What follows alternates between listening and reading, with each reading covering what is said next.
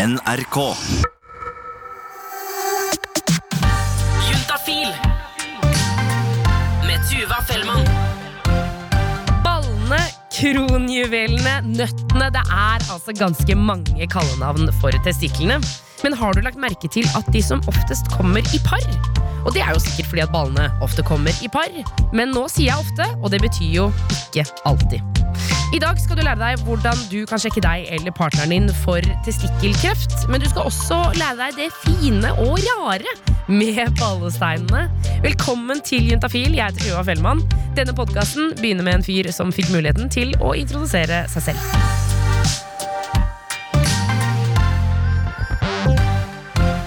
Du kan introdusere meg som offer for manglende seksualundervisning. Hei sann. Nei, jeg tror det er riktigst, da. Du kan kalle meg Ludvig, jeg kan stå for det. Jeg er ikke flau over dette. Eller Det er jeg. Men jeg er ikke så flau at jeg ikke tør å ha navnet mitt på det.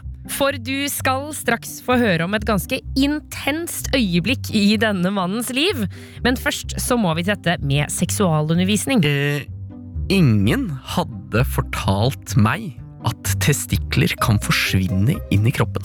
Hva er det du sier for noe? Det er det ingen som har fortalt meg heller. Nei, men det kan de. Også når man ligger inni, har jeg skjønt da, inni mors mage, så er jo testiklene de lages inni kroppen, og så en, et eller annet sted på veien der så plopper de ned. Det er helt riktig. For i fosterlivet så dannes testiklene inni magen, og så vandrer de ned i det vi kaller for lyskekanalen, og så ned i pungen. Så det vil jo si at en gang så har jo faktisk ballene på en måte tassa litt rundt andre steder i kroppen. Men nå er det nok seksualopplysning. Vi skal til øyeblikket hvor Ludvig og dama ligger i senga. Og hun skulle gå over meg, og ved et uhell så knea hun meg sånn lett opp i pungen. Og det var sånn Å, å, det var en følelse jeg aldri hadde hatt før. Det var sånn blanding av sånn stikk og at noe var et sånt press. Det var ikke sånn voldsomt vondt, men det var ganske vondt. Og så tar jeg meg til pungen, og da er den ene testikkelen borte. Ja, du hørte rett. Den ene testikkelen er rett og slett borte. Og det kan man jo oppleve som litt, ja, bekymringsverdig. Og det som da skjer, er jo at hun liksom med kneet sitt dunker da testikkelen, og da finner den den kanalen opp i kroppen, og svopp! Øh, som om kroppen min spiste den ene testikkelen. Og det, det visste ikke jeg at var mulig, så jeg tar, tar meg ned, og så kjenner jeg også pungen Man tar jo ikke på pungen sin så veldig ofte, men jeg vet veldig veldig godt hvordan pungen kjennes. Og når det da mangler en testikkel, og dette er mine kjæreste eiendeler, så er det Altså, jeg var så redd. Det var bare Jeg trodde hun hadde tilintetgjort den ene testikkelen min. Altså, jeg trodde bare Nå er den ødelagt. Nå er den kakka som et egg, og bare helt borte. Og bare stivner og begynner å bli Og så kjenner jeg at den har liksom den har bevega seg opp i kroppen, men det er ikke sånn at den bare bort er borte. Den er som en kul rett over ved liksom penisrota. Er det en klump ut, som, hvor jeg da, i, fortsatt i panikk, kan skyve den ned. Og det gjør ikke noe vondt. Det er, det er helt altså sånn, det er Jeg kjenner, kjenner at den beveger seg ned, er, og så whoop, tilbake på plass. Ingen skade skjedd. Altså, det var helt ufarlig. Men altså, grunnen til at jeg nå vil bli introdusert som en som er utsatt for manglende seksualundervisning altså Hvis noen bare hadde fortalt meg at Vet du hva, i verste fall så kan de testiklene forsvinne opp. Det er ikke farlig. Så hadde jeg sluppet å gå gjennom de sikkert Det var ikke mer enn tolv sekunder, men jeg var så redd. Altså, jeg trodde at nå kan ikke jeg få barn, tenkte jeg. Og reporter Remi Horgard, visste du om dette? Shit, jeg har aldri hørt om det. At den kan forsvinne opp. Nei, altså Jeg var helt sjokkert, og jeg kan jo skjønne den frykten som beskrives her. Ja, jeg, jeg, tenkt sånn, mhm, jeg har ikke tenkt på liksom testiklene som mine kjæreste eiendeler, men hvis man plutselig føler den der at det skjer noe rart med de, og at oh shit, da kan jeg kanskje ikke få barn, så blir det jo en litt annen Litt annen tanker rundt det. Ikke sant? Det viser seg at dette her var ikke farlig i det hele tatt. eh, Men jeg følte også at jeg måtte finne ut om det faktisk var vanlig, så da inviterte jeg en eh, smarting til studio.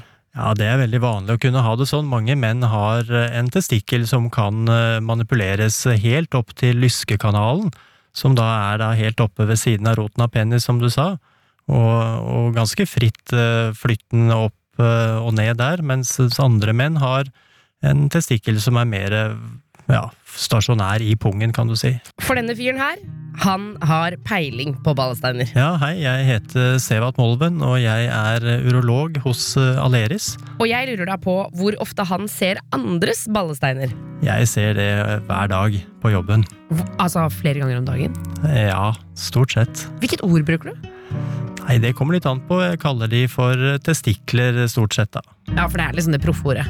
Ja, proft og et vanlig ord, tenker jeg egentlig. Kan også kalle de steiner, men det kommer litt an på alder og hvem man snakker med.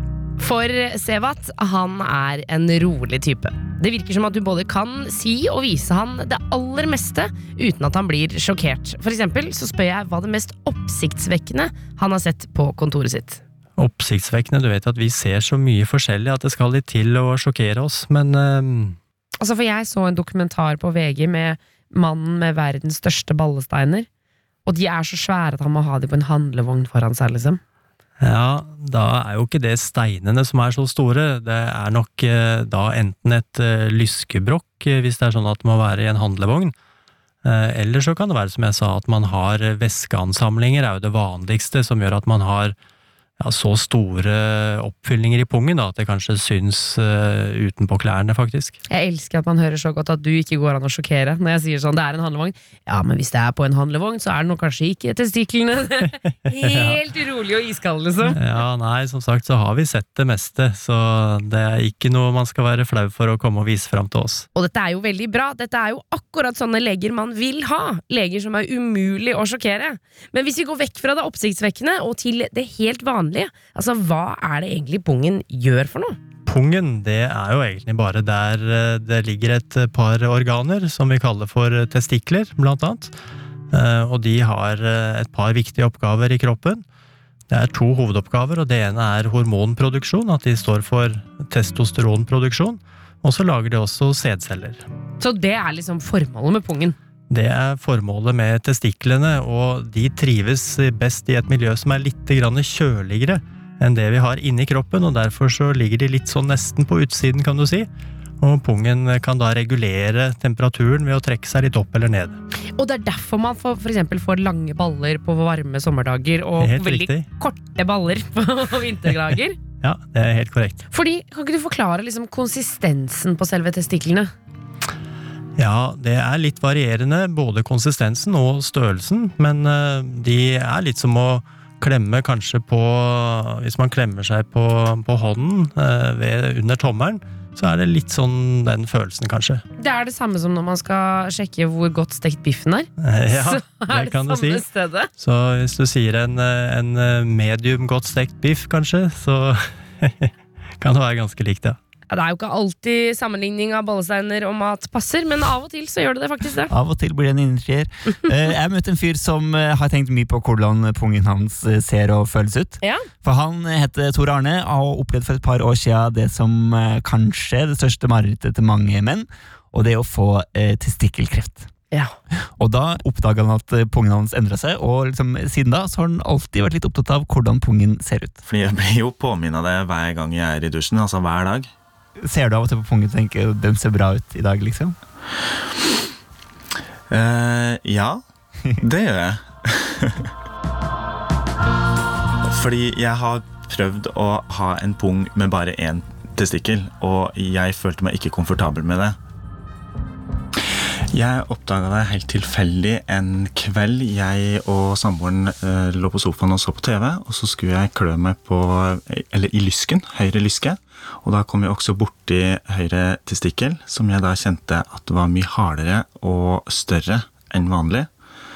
Nei, Jeg sa ingenting til samboeren min. Jeg eh, er jo sykepleier i bunn, så jeg skjønte jo at noe var galt, så jeg gikk egentlig bare i dusjen.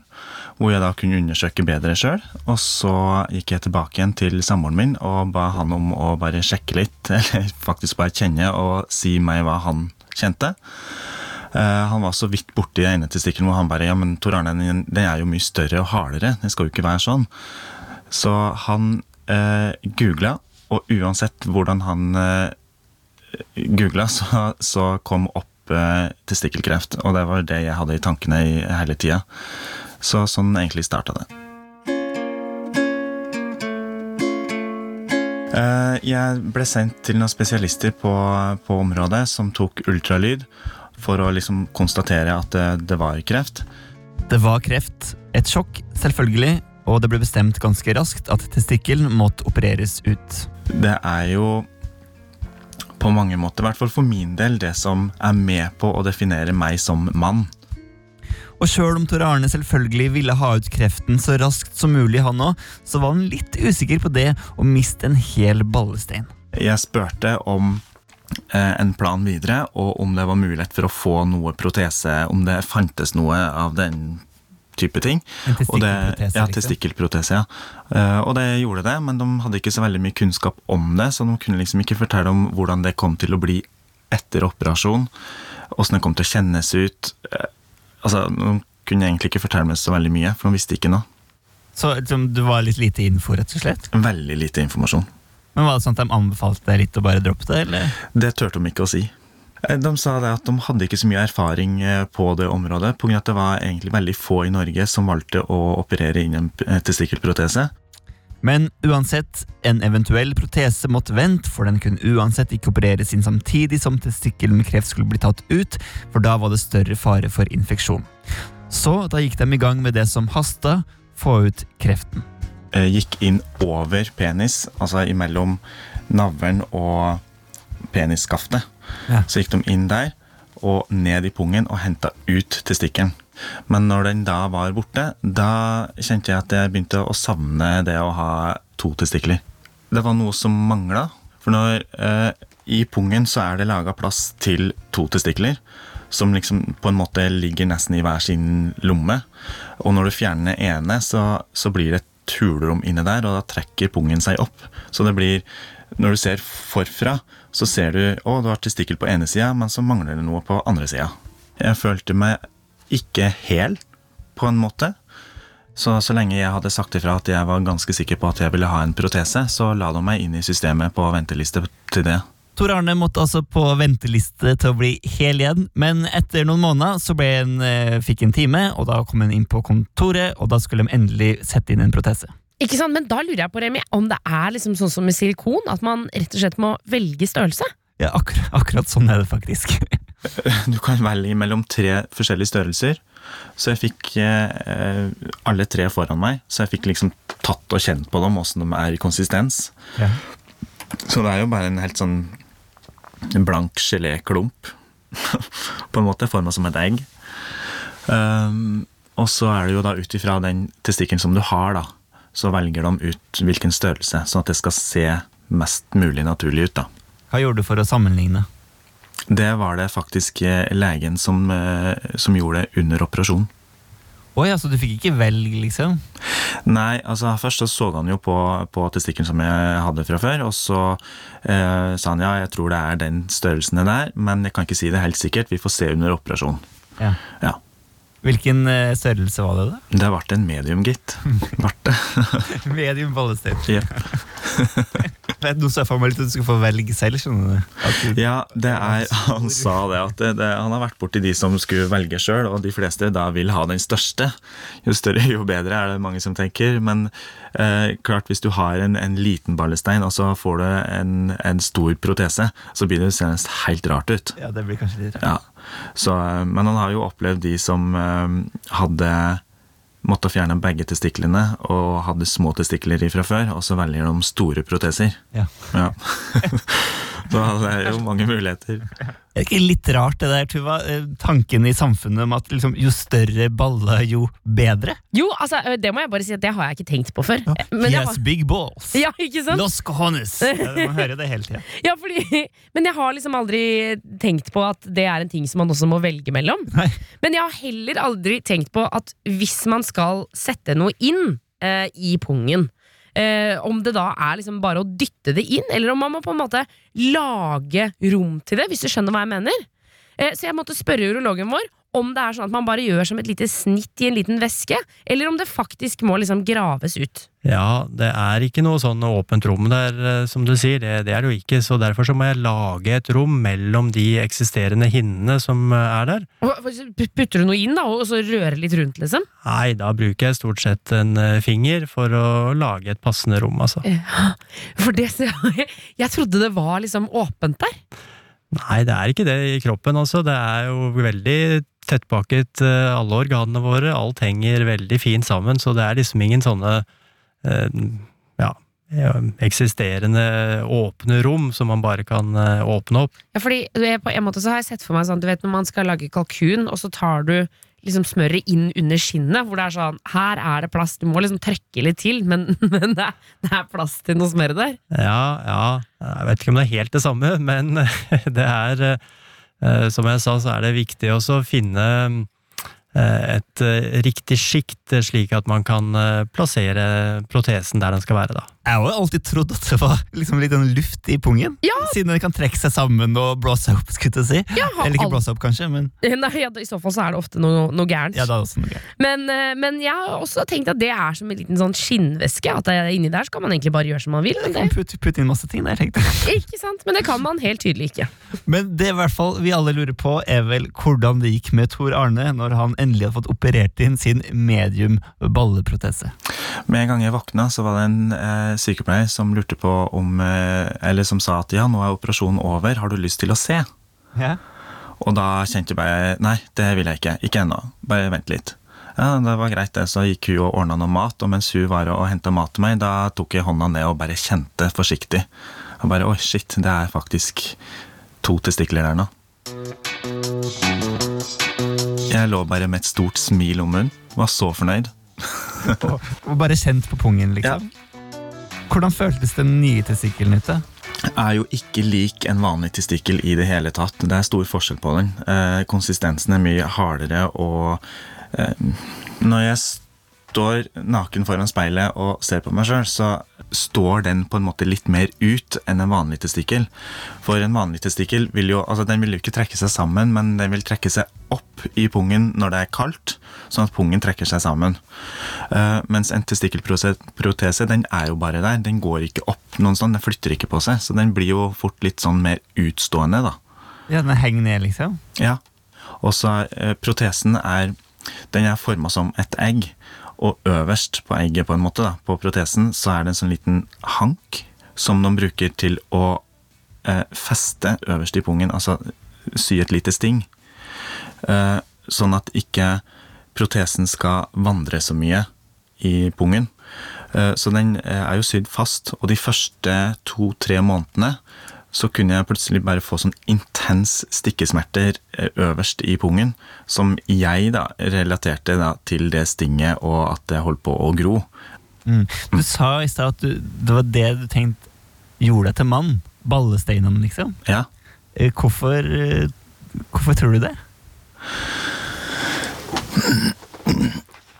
Nei, det er i i hvert fall sånn som jeg føler det sjøl. Jeg kan ikke svare for de andre, men uh, min følelse av hvem jeg er Så for at jeg skal føle meg hel, så er det sånn jeg ble født. Men samtidig så Dette var noe jeg gjorde for min del. 100% for min egen del. Ikke for å tilfredsstille noen andre. Men det hadde jo vært fint å ha en samboer som syns også at dette her var en positiv ting. da. Eh, Og han har støtta meg helt eh, hele veien. Hvordan var reaksjonen? Eh, reaksjonen var du kan, Når du tar på noe som du er litt usikker på om du syns det er ekkelt eller kult, så blir du litt sånn rar i fjeset, i ansiktsuttrykket. så, sånn ble han. Litt sånn ah, er det, Og det var rart. Ja ja, men det blir gøy. Ja. Ja. Han tok på det, liksom? Ja, Og så sånn forsiktig med bare ene fingeren. Bare sånn Å ja. Ja, sånn, ja. Som prikker borti litt? Ja. ja. Ja, For det må jo være litt rart når det er et faktisk fremmedlegeme i kroppen. ja, det er det jo. Men et bedre eh, fremmedlegeme enn kreften som var der før, da. I aller høyeste grad. Og så er det jo litt spesielt med akkurat testikkelkreft, eh, for i motsetning til mange andre krefttyper, så rammer den i hovedsak unge menn. Så Ja. unge menn mellom 20 og 40 er liksom de som oftest får testikkelkreft. Så det vi tenkte nå, Remi, det er jo at vi rett og slett skal avslutte med en liten sånn oppfordring. Ja. Eh, vi spurte urologen si hvis man er liksom gutt 25, da. Kanskje man har testikkelkreft i familien. For eksempel, hva er det man skal gjøre? Altså, Hvordan skal man rett og slett sjekke seg sjæl? Og det hadde jo selvfølgelig Sevat eh, svaret på. Hvis man er gutt 25, så anbefaler vi såkalt selvundersøkelse av testiklene. Og det er lurt å gjøre for eksempel i dusjen, hvor det er glatt, og da kan man la testikkelen gli litt sånn frem og tilbake mellom fingrene. Og hvis den er glatt og ikke har noen kuler i seg, så er det greit. Hvis den har det, så skal du oppsøke lege for å få en sjekk, med ultralyd også. Men og hvis man finner en kul, altså hvor krise er hva, hva er du sånn Dra til legen i dag, avlys alle planene dine? Eller er det sånn bestill en time hos fastlegen, og så få det undersøkt? Ja, hvis man har en nyoppdaget kul i selve testikkelen, så skal man oppsøke lege ganske fort, i løpet av noen dager i hvert fall. Um, men hvis det er en kul utenfor testikkel, eller man er litt usikker på om den ligger bare inntil testikkelen, så har man bedre tid på seg, for da er det mye sjeldnere at det er kreft som er årsaken til denne kulen. da.